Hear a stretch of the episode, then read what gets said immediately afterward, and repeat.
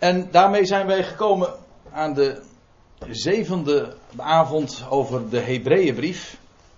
En we waren inmiddels gearriveerd in, de, in het derde hoofdstuk. Vers 14 waren we ongeveer gebleven.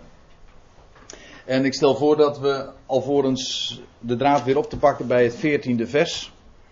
Dat we eerst nog een kort gedeelte wat we de vorige keer hebben behandeld zullen bespreken. Nou, niet bespreken, maar ik bedoel zullen lezen. En dan door te lezen tot en met vers 13 van hoofdstuk 4. Al was het maar om even een goede indruk te krijgen van wat we gehad hebben.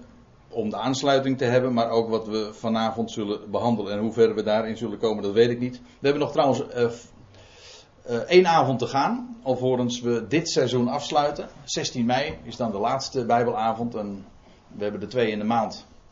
Ja, dan begint de maand juni. En dan wordt het wel uh, erg zomers om nog door te gaan.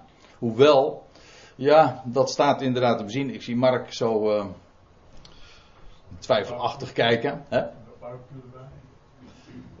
Ja, nou het is grappig, in, in Bodegraven ga ik inderdaad vermoedelijk wel verder.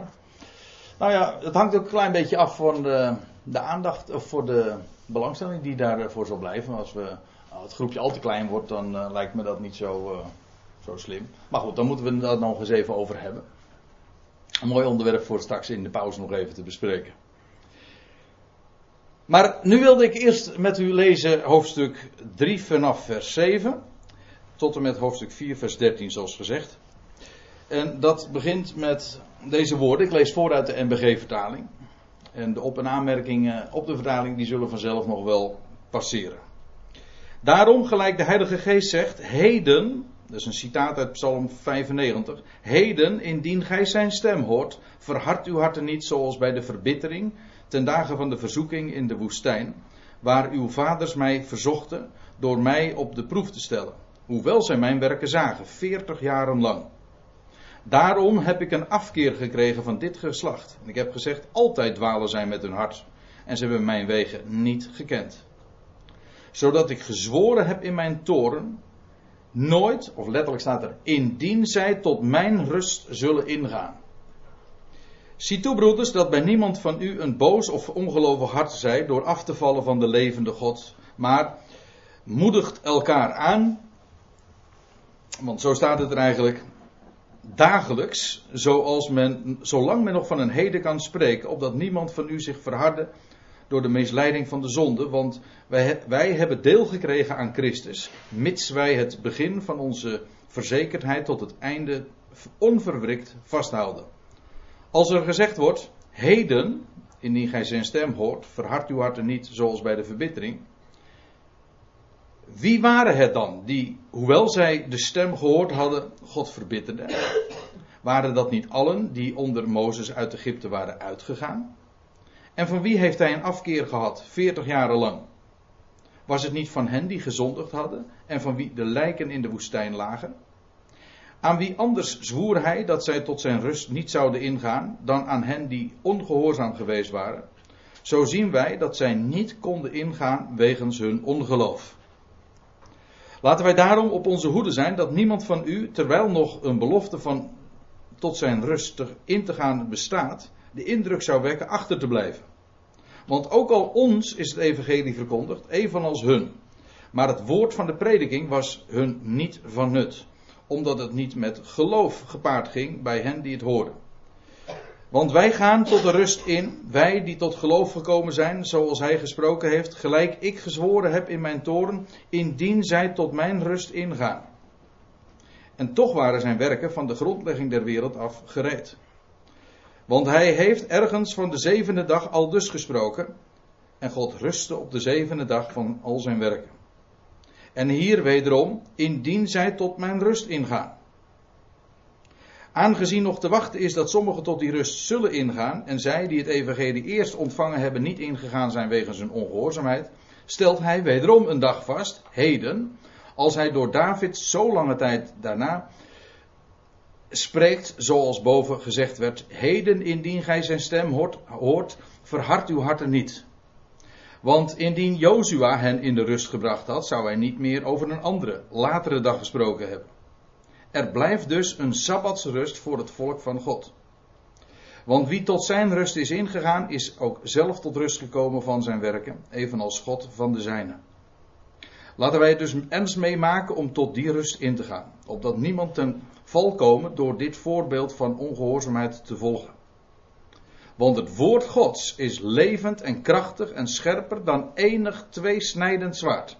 En het dringt door, zo diep dat het van een scheidt ziel en geest, gewrichten en merg. En het schift overleggingen en gedachten van het hart. En geen schepsel is voor hem verborgen, want alle dingen liggen open en ontbloot voor de ogen van hem voor wie wij rekenschap hebben af te leggen. Nou, tot zover maar even, want het is nog maar zeer de vraag of we zover zullen komen. We waren inmiddels, eh, ik geloof dat ik het zojuist al even aangaf, bij het veertiende vers aangekomen. Dat is ongeveer midden in een zin. Dus ik stel ook maar voor daar de draad dan weer op te pakken. Maar niet dan nadat ik eerst even eh, nog een korte resume geef van wat we al hebben gezien. Het voorgaande in het algemeen. De Hebreeën die worden in deze brief aangespoord te zien op de Zoon van God. Nou, dat het inderdaad Hebreeën betreft, daar hebben we het al vaak over gehad. En dat blijft van belang om, het, om deze brief überhaupt te kunnen begrijpen. En we zullen ook in de toekomst nog vaak genoeg wijzen op de grote verschillen. En hoe belangrijk het is dat deze brief aan hen gericht is, aan Israël, in die specifieke context. Maar we zullen net zo goed ook wijzen op allerlei overeenkomsten en lijnen die te trekken zijn met de brieven van Paulus elders. En de lessen die wij daar ook direct of indirect uit kunnen leren. Enfin, de Hebreeën worden aangespoord te zien op de Zoon van God, die hoger is dan de engelen. Dat is samengevat de inhoud van hoofdstuk 1 hoger dan Adam, de zoon van Adam, de zoon des mensen. Die uitdrukking vinden we in Hebreeën 2. Hij is hoger dan Mozes. Daar hebben we het de vorige keer over gehad, die eerste versen van hoofdstuk 3. En dan krijg je vanaf hoofdstuk 3, vers 7, daar hebben we dus al een aanvang mee gemaakt. Dan wordt, en dat geldt voor Hebreeën 3 voor het vervolg, en ook voor Hebreeën 4 tot bijna het einde wordt de Israëls woestijnreis de, gedurende de 40 jaren ten voorbeeld gesteld als type van de generatie van de Hebreeën. Waarbij gerefereerd wordt aan diverse gebeurtenissen. Ook daar hebben we het de vorige keer over gehad. Over de verbittering en over Massa en Meriba. Ik ga dat nu allemaal niet herhalen. Maar in elk geval het ongeloof dat Israël tentoonspreidde gedurende deze 40 jaren. U ziet hier zo de doortocht door de Jordaan. Achtereenvolgens ook de, het geschenk van manna, brood uit de hemel, water uit de rots. Allemaal typen die hier trouwens niet eens zozeer specifiek worden besproken. Maar er wordt wel uh, op allerlei manieren aan gerefereerd. En hmm, dat plaatje is wat onduidelijker, zie ik nu ineens. Maar dat, is het, uh, dat moet dan voorstellen dat de verspieders het land waren ingegaan en terugkwamen met die geweldige druiventrossen. En konden getuigen van het land dat overvloeiende was van melk en honing. Maar slechts twee stonden in geloof. Nou, dat is eigenlijk het grote onderwerp in Hebreeën 3 en 4.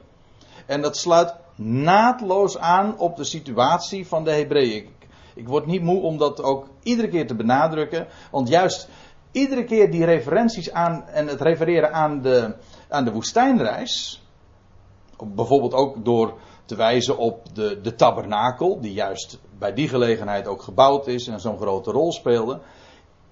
Dat was voor die Hebreeën zo actueel, want dat was namelijk diezelfde generatie, of in ieder geval ook diezelfde periode van tijd. Beginnend bij de grote verlossing, de dood en opstanding van Christus, de doortocht door de Jordaan. En dan gedurende 40 jaren de, rond, dat rondzwerven. En dan zou dat uh, in moeten gaan in de rust. Maar uiteindelijk is dat ook niet gebeurd. Dat is dan ook het onderwerp van deze, ja, van deze hoofdstukken, moet ik dan zeggen. Hebreeën 3 en 4. Die gaan daarover. En je begrijpt wel dat als je die context mist. Als je uh, ziet of in, in, de veronderstelling leeft, zoals velen. Ik heb. Uh, want weliswaar eh, doe ik vooral gewoon bijbelstudie als ik dit voorbereid. Niettemin is het toch zo dat je toch wat kennis neemt van ja, uh, wat er zo al over ge gezegd is en geschreven, daar kun je altijd een graantje van meepikken, nietwaar? Maar het valt mij op hoeveel, of om niet te zeggen bijna alle uitleggers ervan uitgaan dat dit een algemene christelijke brief is. En dus totaal niet inzien dat dit gericht is, terwijl de, de titel al veelzeggend is, aan Hebreeën. In die context. En dan begrijp je ook, met ook deze hoofdstuk alleen maar. Zeer to the point de lijnen die hier getrokken worden. Moet er wel bij zeggen, en ik weet niet hoe u dat hebt, dat mede komt dat door de vertaling, want dat zullen we vanzelf ook nog wel zien, maar eh, het is wel moeilijk. Zo'n gedeelte als wat we zojuist lazen, dan denk je, waar gaat dat nou over? Wat is precies de, de lijn van het betoog? Hoe loopt de argumentatie? Nogmaals, dat kan zijn door de vertaling. Maar de schrijver gaat ook heel diep en hij veronderstelt, en dat is soms een beetje problematisch waar wij, eh, dat wij als drempel ervaren. Eh, hij veronderstelt heel veel kennis van het Oude Testament als bekend. Dingen die, die voor ons uh, veel minder uh, vanzelfsprekend zijn, maar voor de Hebreeën kennelijk wel bekend. En ja, dat zijn hobbels die wij moeten nemen om dat dan te begrijpen. Nou ja, vandaar dus dat wij een avond als deze organiseren. Om daar kennis van te nemen. Akkoord. Hoofdstuk 3, vers 14. Want, ja, dat ik zei al, dat is midden in een zin. En dan moet ik dus eigenlijk eventjes lezen wat daar direct aan vooraf gegaan is. Waar staat in vers. Nou, dan moet ik eigenlijk lezen vanaf vers 12. Zie toe, broeders, dat bij niemand van u een boos, ongelovig hart zij. Door af te vallen van de levende God. Maar moedigt elkaar dagelijks aan, zolang men nog van een heden kan spreken. Op dat wil zeggen een heden, zolang die tijd van uh, dat heden van genade. Want in die periode leefde Israël nog steeds. De Hebreeën leefden nog in het land, de tempel stond er nog, de stad was nog intact. En spoedig, binnen zeer korte tijd, zou aan dat hele nationale bestaan van Israël een einde gemaakt worden. In het jaar 70. Dat zou nog maar een korte tijd later gebeuren. Dus uh, nou schrijft de schrijver, we laten hem gewoon maar anoniem. Moedig elkaar dagelijks aan, zolang men nog van een heden kan spreken, opdat niemand van u zich verharde door de misleiding van de zonde. Dat was, die zonde blijkt ongeloof te zijn, dat zullen we straks ook nog wel zien. Dat was juist wat er speelde onder die Hebreeën. Een, een enorme afval van die Messias beleidende geloofsgemeenschap. Daar in Israël, tienduizenden Messias beleidende Joden, die nu allemaal hun geloof in de Messias dreigde prijs te geven. Of daadwerkelijk ook al prijs gaven. Mede ook door enorme druk vanuit het volk en allerlei andere omstandigheden. En staat er dan, want wij hebben deel gekregen aan Christus, aan de Mashiach. Ik, zal, ik zeg het nou maar even op zijn Hebreeuws. Mits wij het begin van onze verzekerdheid, en ook zijn we hier dus, want wij hebben deel gekregen aan Christus, aan de, aan de Messias.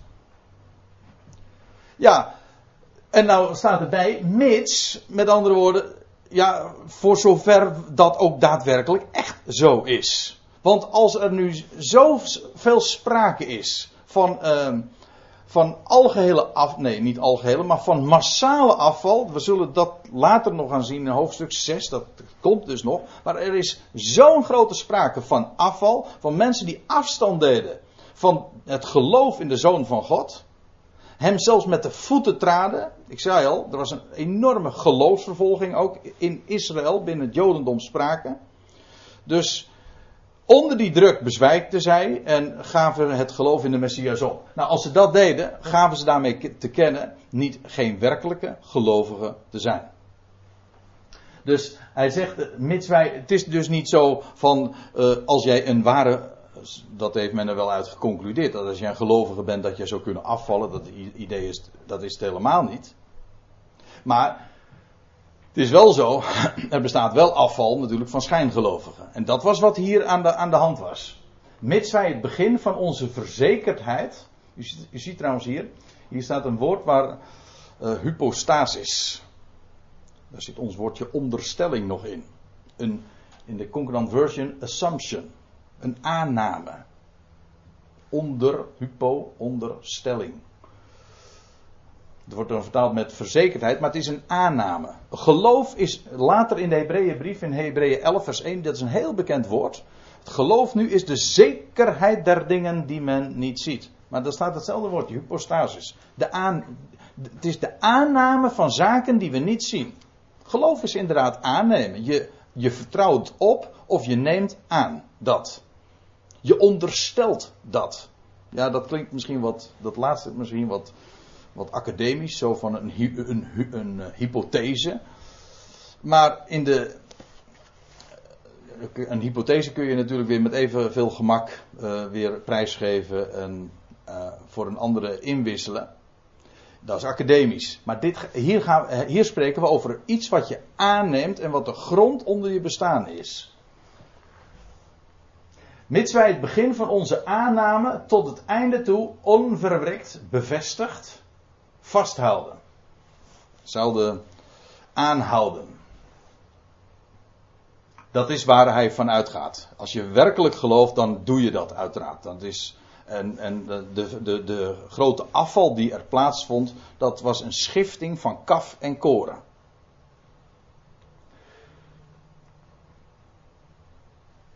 En zoals gezegd, de Hebreeënbrief is gericht aan Hebreeën.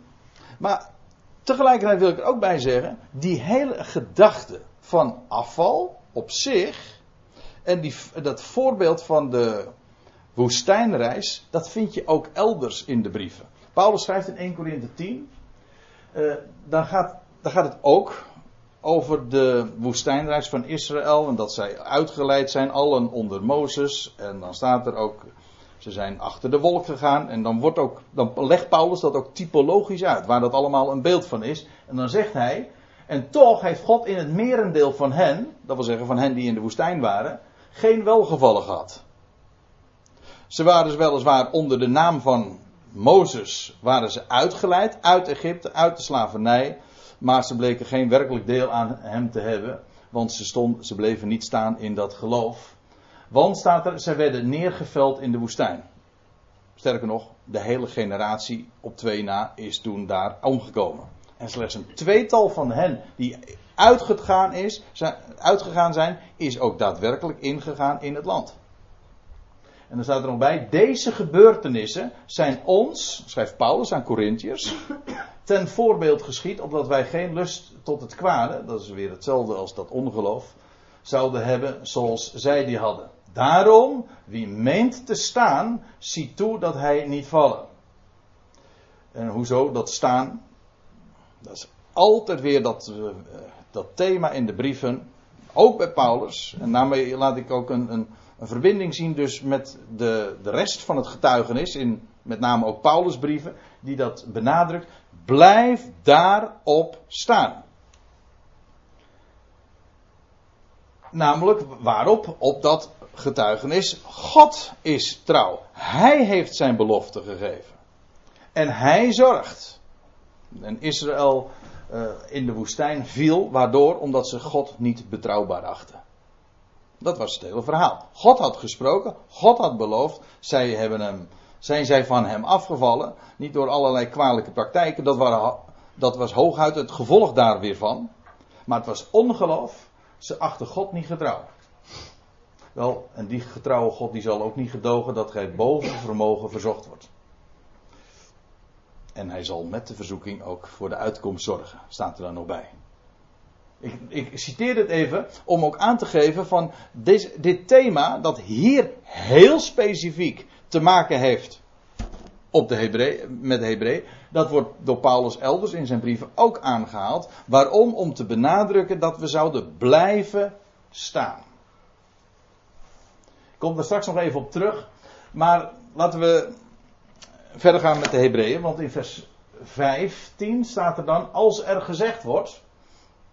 En dit is nou de tweede keer dat hier uh, aan niet de laatste keer trouwens, dat, maar de tweede keer dat gerefereerd wordt aan die Psalm 95, een psalm van David. Als er gezegd wordt heden, dus je moet eigenlijk hier, als je het, uh, als je het, uh, hoe noemen ze dat, typografisch goed weergeeft, zou je de aanhalingstekens openen hier. Heden, indien gij zijn stem hoort, verhard uw harten niet. Dat wil zeggen, maak je hart, uh, laat je hart niet hard zijn met een D. Maar open het en laat het zacht zijn, zodat zijn woord daar ingang vindt. Uh, verhard uw harten niet zoals bij de verbittering. Wat was dat ook alweer? Dat was uh, Meriba. Ja, in het Hebreeuws. Wie waren het dan die, hoewel zij de stem gehoord hadden, God verbitterden? Op die geschiedenis zelf hebben wij trouwens uh, de vorige keer al gewezen, dus ik ga dat niet nu nog een keertje dunnetjes overdoen. Uh, maar wie waren het dan die, hoewel zij de stem gehoord hadden, God verbitterden? Als u trouwens hier ziet. Dit is nou zo'n typisch voorbeeld van een, een woord waar, waar, je over struikelt als je het leest. Tenminste, ik had het wel. God verbitteren? Kan dat? Kun je God verbitteren? Maar dat staat er ook niet, hè? Zij, zij verbitterden, staat er. Dat woord God heeft men ertussen gevoegd. Om uh, er zin aan te geven, maar die toevoeging uh, geeft geen zin, die maakt juist onzin als u het mij vraagt. Dus wie waren het dan die, die, hoewel zij de stem gehoord hadden, verbitterden? Niet, dat woord God kun je gewoon doorstrepen, staat er niet. Als ik me niet vergis, staat het in de Statenvertaling ook tussen haakjes. In de MBG ook. En in de MBG ook? Ja. Ja, daar staat ook tussen haakjes. Ja, correct. En uh, je zou er ook een streep doorheen kunnen trekken, dus.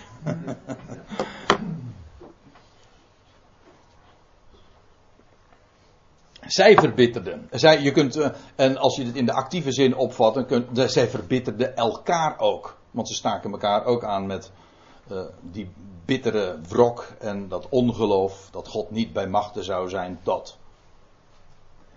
En opmerkelijk trouwens, als je nou deze versen 16, 17, 18 leest, en 19 zeker ook nog, ja, dan krijg je dus drie keer een vraag, die wordt beantwoord met een retorische vraag.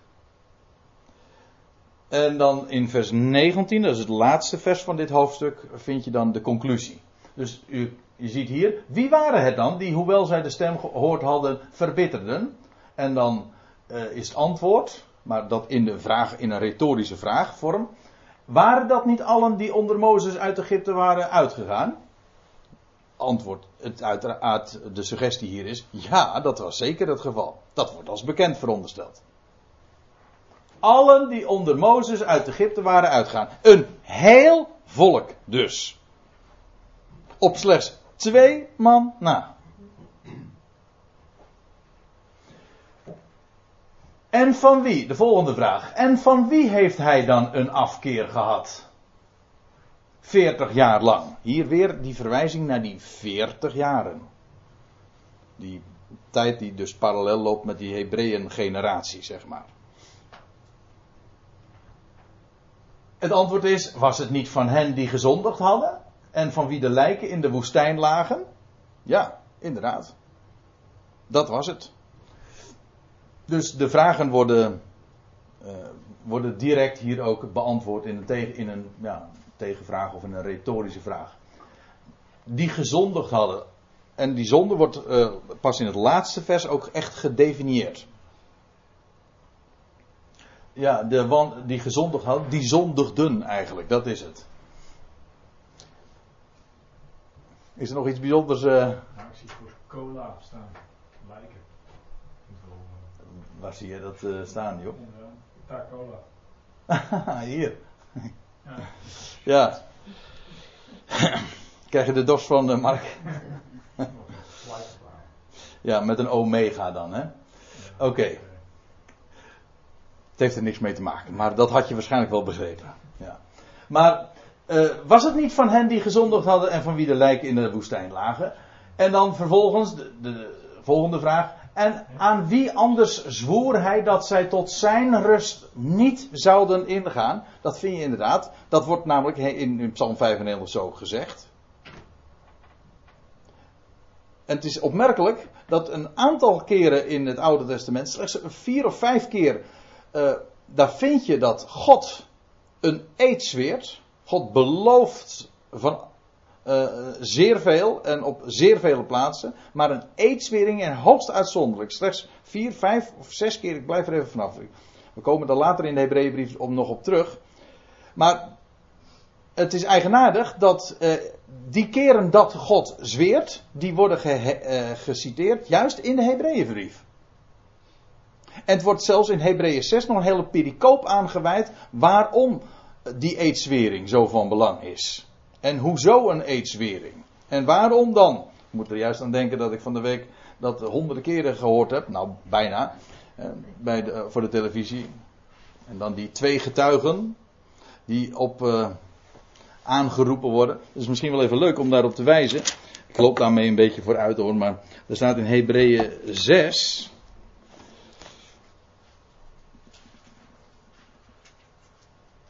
Dan staat daar in vers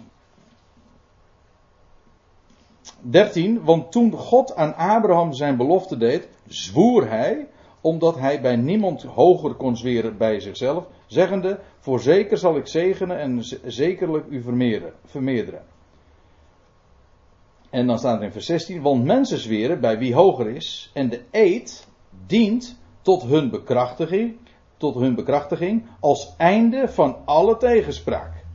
En dan staat er in vers 17, daarom heeft God, toen hij des te nadrukkelijker aan de erfgenamen van de belofte het onveranderlijke van zijn raad wilde doen blijken, zich onder ede verbonden, opdat door twee onveranderlijke dingen, waarbij het onmogelijk is dat God liegen zou, wij die tot hem de toevlucht genomen hadden, een krachtige aansporing zouden hebben om de hoop te grijpen, etc.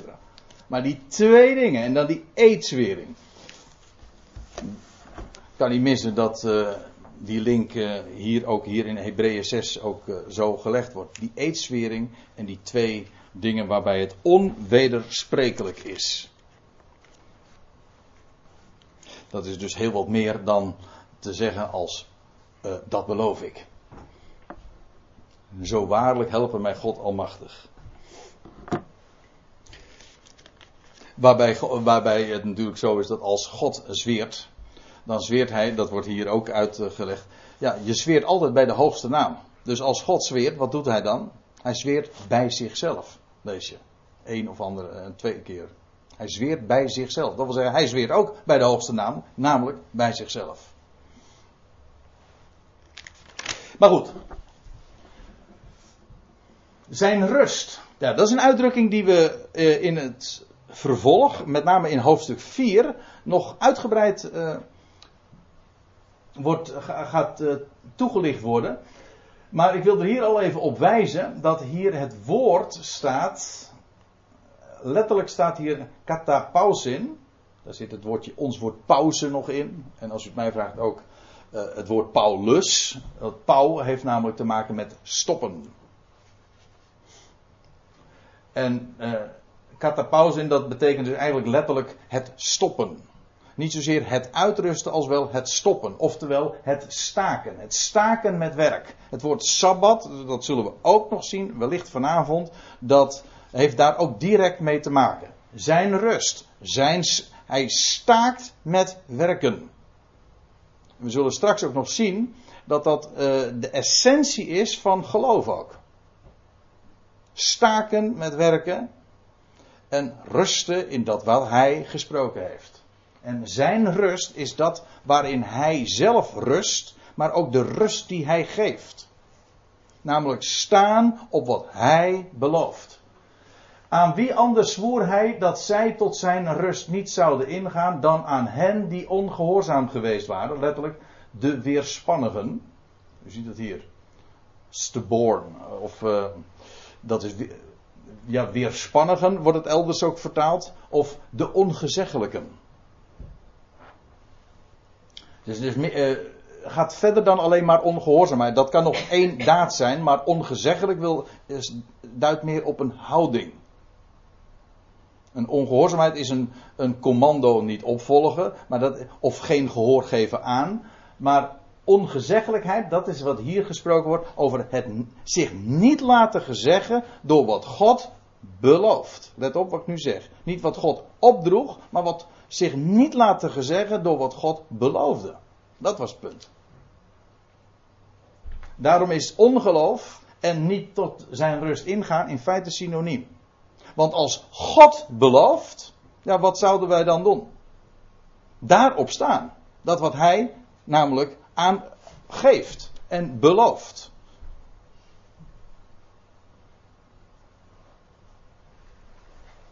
En die hele generatie is daadwerkelijk dan ook omgekomen in de woestijn. Zij wilden niet uh, staan op zijn belofte. Daar gingen ze niet van uit. En sterker nog, men, heeft, men is daar niet alleen ongezeggelijk in geweest, maar men heeft het uitdrukkelijk verworpen. En dan volgt de conclusie, na drie retorische vragen en antwoorden. Zo zien wij dan dat zij, Israël, een heel volk, niet konden ingaan wegens hun ongeloof. Ja, nou, dat is de, de conclusie van de Hebreeënbrief. Maar ik wil er ook meteen bij zeggen, en ik heb eh, zojuist al even een, uh, een hint in die richting ook gegeven. In Paulus' brieven is dat trouwens ook niet anders. Weliswaar, de, de context is hier specifiek die van de Hebreeën. En een natie die uh, binnen afzienbare tijd, binnen enkele jaren, geheel van de kaart zou worden geveegd. En Jeruzalem dat uh, verwoest zou worden en de tempel in, zou in vlammen omgaan. Die context heeft het in de Hebreeënbrief. Maar de gedachte van het ingaan in de rust. Namelijk door geloof. En daarop te staan, dat vind je elders ook. En als we ervan uitgaan dat doet nu echt niet eens zo, zo heel erg de zaak. Ik vind ook helemaal niet fundamenteel dat die brieven, dat deze brief niet ondertekend is met de naam van Paulus. Maar als we ervan uitgaan dat Paulus inderdaad de schrijver is van deze brief, dan wordt het alleen nog maar veelzeggender. Want wat vind je in de Colossensebrief bijvoorbeeld? Daar lees je, nadat Paulus trouwens in de voorgaande verse had gesproken over dat God door het bloed van het kruis het al, dat wil zeggen, elk schepsel weder tot zich zal verzoenen. En alle vijandschap zal teniet doen. En dan lees je, dan staat dat hij zegt, om u heilig en onbesmet en onberispelijk voor zich te stellen.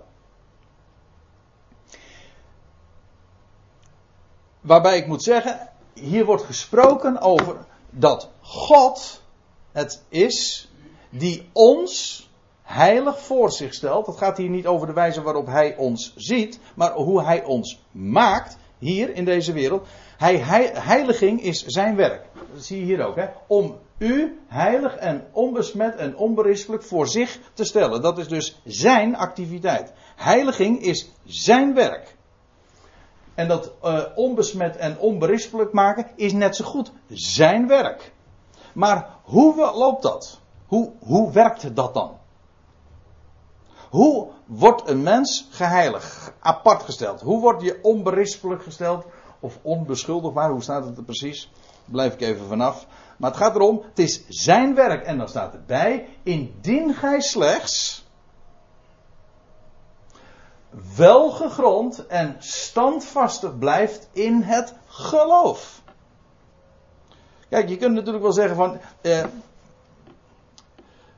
ik ben, dat is trouwens niet eens een bijbelse term, uh, ik ben tot geloof gekomen. Weet u trouwens dat dat nergens in de Bijbel zo staat? Dat je tot geloof komt. De, gedachte zou dan zijn van hier is geloof en wij komen tot dat geloof. Nee, de Bijbel spreekt gewoon over gelovig worden. Hij is degene die overtuigt van. En, en dan geloof je. Dan word je gelovig. En waar het om gaat is dat je in dat geloof blijft staan. Indien gij wel gegrond, standvastig blijft in het geloof. Hoe vaak vinden we dat niet? In de Korinthebrief, in de Efezebrief. Nou ja, ik, ik kan, eh, de Efezebrief is daar nog een heel mooi voorbeeld van. Want daar gaat de, de hele wapenrusting ook over. Doet die wapenrusting aan. Waarom? Opdat we staande mogen blijven. Zo was het toch? Uh, opdat, gij, oh opdat gij stand mocht houden. Zo was het. Dus om staande te blijven. Waarin? Ja, nou het staat hierbij. In het geloof. In het geloof van wat dan? Nou, in zijn belofte. Dus dat heeft te maken niet met een eenmalig eh, moment van een beslissing of een keuze maken of dat soort uh, godsdienstig of evangelisch gedachtegoed. Of evangelisch bedoel ik tussen aanhalingstekens. Hè. Maar het heeft te maken met dat je staat en staat, staande blijft in geloof. Geloof in wat? In wat hij belooft. Geloof staat altijd in de Bijbel tegenover werken. Nou, wat dat betreft zijn we nu echt in een heel mooie eh, passage op terechtgekomen in Hebreeën 3 en 4, want daar zie je het zo duidelijk. Geloof staat tegenover werken. En ik zou uh, hele passages uit de, uit de Romeinenbrief kunnen aanhalen, waar dat omstandig wordt uitgelegd en uiteengezet en beargumenteerd. Geloof, werken, heeft te maken met, je krijgt een commando en dat kun je opvolgen. Als God een belofte geeft, en het grote voorbeeld in de Bijbel is altijd Abraham. Want zo werd hij een rechtvaardige. Abraham die een, belofte van God kreeg. Zo zal jouw nageslacht zijn. Wijzend op de. God wees hem daarbij op de sterrenhemel. Zo zal jouw nageslacht zijn. En Abraham geloofde God. Nou, dat, daardoor was Abraham een rechtvaardige. Hij beaamde wat God sprak. Maar dat is niet iets eenmaligs. Dat, dat, het verhaal is, je bent geloven en daarin blijf je staan. Hij is degene die jou zegent. Hij is degene die dat belooft. En wij zouden daarin blijven staan. Laat je er niet van afbrengen. Dat is dus geen vanzelfsprekendheid. Je kunt gewoon zeggen van, je beginnen met geloof en daar vervolgens van afwijken omdat je denkt dat je dan toch zelf weer je eigen boontjes moet doppen. Of weer aan, zelf aan de gang moet gaan. Of moet werken. Hier in het geval van de Hebreeën is het helemaal duidelijk. Want dan gaat het weer om weer terug, dat terugkeer in het judaïsme. En allerlei godsdienstige verplichtingen weer op je nemen. Was weer godsdienst. Werken dus. En het is zo menselijk. Om weer een. Om geloof weer tot een systeem te maken en er weer een, een, een bouwwerk van te maken van, van werken. De Bijbel noemt het gewoon hout, hooi en stro. Dan ben je dus niet, dan ben je niet wel gegrond in het geloof, dan heb je je weer laten afbrengen van het geloof en wel weer teruggekeerd naar werken. In wezen, dat is toch, uh, dat geldt voor de godsdienstige mens, maar voor de seculiere mens niet minder. Hij denkt, het, hij denkt, maar hij meent ook het allemaal zelf te moeten doen. Ja, als er geen God is, wie, wie anders? Maar de godsdienstige mens niet anders, want die denkt het te moeten verdienen. Terwijl God nu juist zegt, en dat is de essentie van het evangelie, ik geef het jou puur om niet. Blijf daarop staan. Laat je er niet van afbrengen. Standvastig. In dat geloof. Dus niet in werken, maar in geloof. En u niet laat afbrengen van de hoop van het evangelie. Vind ik trouwens wel een hele mooie hoor, in dit geval. Want de hoop van het evangelie hier in deze context, in Colossense, dat is de verzoening van het al. Daar, God gaat het al weder met zich verzoenen. Nou, dat is de hoop van het evangelie. Onvoorwaardelijk. Laat je er niet van afbrengen. En we hebben het over de Hebreeën, die massaal zich hebben afgekeerd van, uh, van de Mashiach, van het geloof in de Messias. Maar het de christelijke religie is volstrekt identiek daarin. He, hebben zich ook laten afbrengen van het geloof. Want het is ook allemaal werken en kiezen. En, zelfs, en men heeft zich laten afbrengen van de hoop van het evangelie. Zodanig zelfs, dat als je de hoop van het evangelie uitspreekt, dan is dat een ketterij. Officieel.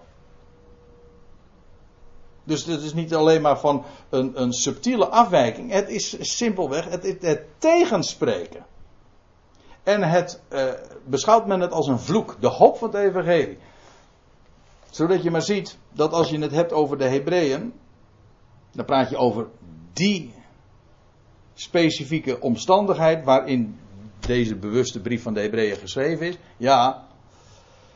Maar in de christenheid is het exact hetzelfde verhaal. Want dat is ook weer godsdienst wat de klok slaat. En werken en verdienen. En men heeft zich laten afbrengen. En het is zo menselijk. En je eh, je daar weer van te laten afbrengen en niet te blijven staan in geloof, in wat hij belooft. Dus. Het is heel moeilijk te onderscheiden als je denkt aan de 1 Korinthe 13. Hè? Zit ik zo te denken, ja, wat zou je allemaal niet doen? Eh, 1 Korinthe 13. ja, over de liefde bedoel je. Ja, eh, je- je- jezelf geven, alles weggeven naar je gelegenheid. En dat kan allemaal gebeuren zonder. eh, Als je de liefde niet hebt. En dan gaat het over de liefde Dat Gods. bedoel ik. Ja, Dat is, dat is, Ja. ja. sommige mensen doen zo ontzettend veel. Hè? Toch wel. Ja. Zending of wat, maar dat kan allemaal menselijk zijn. Ook. Ja. Als je het 1 Korinthe 13 ziet. Wonderlijk is dat. ja. Ja, toch? Ja, en dat is dan dat. En, en als al deed je al die dingen. Ja. Maar je hebt de liefde Gods. Je kent de liefde Gods niet. Dan is het nog een rinkelend symbaal en een. Hoe, eh, hoe staat het er nog meer? Ja, dat Ja. is schallend. eh, Ja, daarom is het zo belangrijk. Eh, we kunnen daar ook elkaar niet genoeg op wijzen. Daarom kom je ook bij elkaar. Om te, wij, te blijven staan. En elke dag, zo, werd het ook nog in deze brief eh, gezegd. In vers.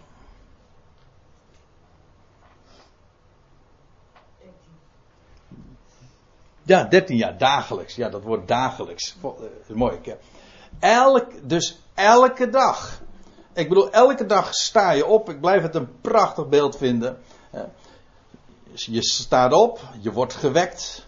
En je wordt opgewekt en dan met, inderdaad met het goede been uit bed te stappen. En dat bedoel ik met het been op het goede te gaan staan. En dat wil zeggen op zijn belofte. Zo is het. En u geeft en daarin mag ik staan en ik dank hem. En leven uit genade is niks anders dan leven in dankzegging, voortdurende dankzegging aan hem. Ja, dat is, een, dat is een rijk leven, dat is een gezegend leven. En op het moment dat die dankzegging vervlauwt, ben je dus aan het af, laat je je afbrengen van het geloof. Want het is namelijk of hij doet het, of jij doet het zelf. Geloof staat dus daarmee niet tegenover activiteit. Want, want als jij leeft uit dat geloof. Misschien is het een beetje. eh, ja, ik, eh, ik, ik verdwaal misschien een beetje van het onderwerp. Of in ieder geval, ik ga die, eh, wat van deze tekst af. Maar om toch een klein beetje. Om het concreet te maken. Dat je. Eh, dat ge- geloof staat niet tegenover activiteit. Want juist dat woord, dat maakt actief. Dat, het is levend, het is krachtig, doet van alles in je leven. Maar het is, heeft niets te maken met verdienen. Het is zijn werk in en door ons. En daarop te mogen staan. En op dat woord wat Paulus, waarvan Paulus zegt, waar ik een dienaar van ben geworden. Dat hij verkondigde. Daarin te blijven staan. Dat evangelie. Dat woord. Dus als we aan het einde van Hebreeën 3 gekomen zijn. En als er dan staat, zij konden niet ingaan vanwege ongeloof. Dan is dat een universeel Bijbels verhaal. Het komt altijd aan op geloof. Maar dan ook geloof alleen. Het gekke is dat her. Dat is iedere keer ook weer in tijden van grote duisternis herontdekt. En tegelijkertijd, als het herontdekt is, en mensen maken zich er meester van, vergeet men het ook weer in no time. Ik bedoel, in de dagen van de Reformatie was het Luther die kwam. Sola gratia, alleen genade. Sola fide, alleen geloof. En dan geloof in wat? In, in, Gods belofte. Nee, hoezo werken? God belooft toch? Mag, wat dacht je nou van. Ik, eh, ik kwam er juist vorig, eh, gisteren nog weer op. Eh, die, de, de, vertaling van 1 Petrus 1 vers 16. Wat zo vaak in prediking wordt herhaald. En wordt besproken. Eh, De tekst waar dan staat in alle vertalingen, bijna alle vertalingen. Waar gezegd wordt. wees heilig want ik ben heilig. Dat is precies wat hier staat. Dan heeft men zich laten afbrengen van de hoop van het evangelie. Er staat niet wees heilig, want ik ben heilig. Er staat gij zult heilig zijn, want ik ben heilig. Dat is een belofte. Daar mag je staan. Daar begin je de dag mee. Hè? Daarop mag je staan. En zo werkt heiliging. Namelijk door te staan op zijn belofte. Ja, en daar, dan, is al, dan uh, is al het roemen weg. Maar, dat wil zeggen eigen roem. Maar dan krijgt hij daarvoor de eer. Oh, ik, had, ik was inmiddels trouwens vergeten dat ik daar ook nog een diaatje van gemaakt had. Voor Efeze 6. Voort staat, staat er: Wees krachtig in de Heer en in de sterkte van zijn macht. Krachtig in hem. In de sterkte van zijn macht. En doet die wapenrusting Gods aan. Wat je trouwens ook aangereikt krijgt. En er staat erbij: om te kunnen stand houden. Tegen de verleidingen van de duivel. Letterlijk staat er de, de strategieën, de methodieken ons woord methodiek komt hier van uh, methodia af. De strategieën van de diabolos. Die ding, hij die alles door elkaar gooit. Om daartegen stand te houden. We leven in een donkere wereld. Er komt zoveel misleiding op je af. En waar komt het op aan? Om te blijven staan. Dat is niet vanzelfsprekend, want er zijn genoeg winden van leer en allerlei beweringen die ons daarvan afbrengen. En als het niet buiten de christenheid is, dan is het er wel binnen. Vooral daar.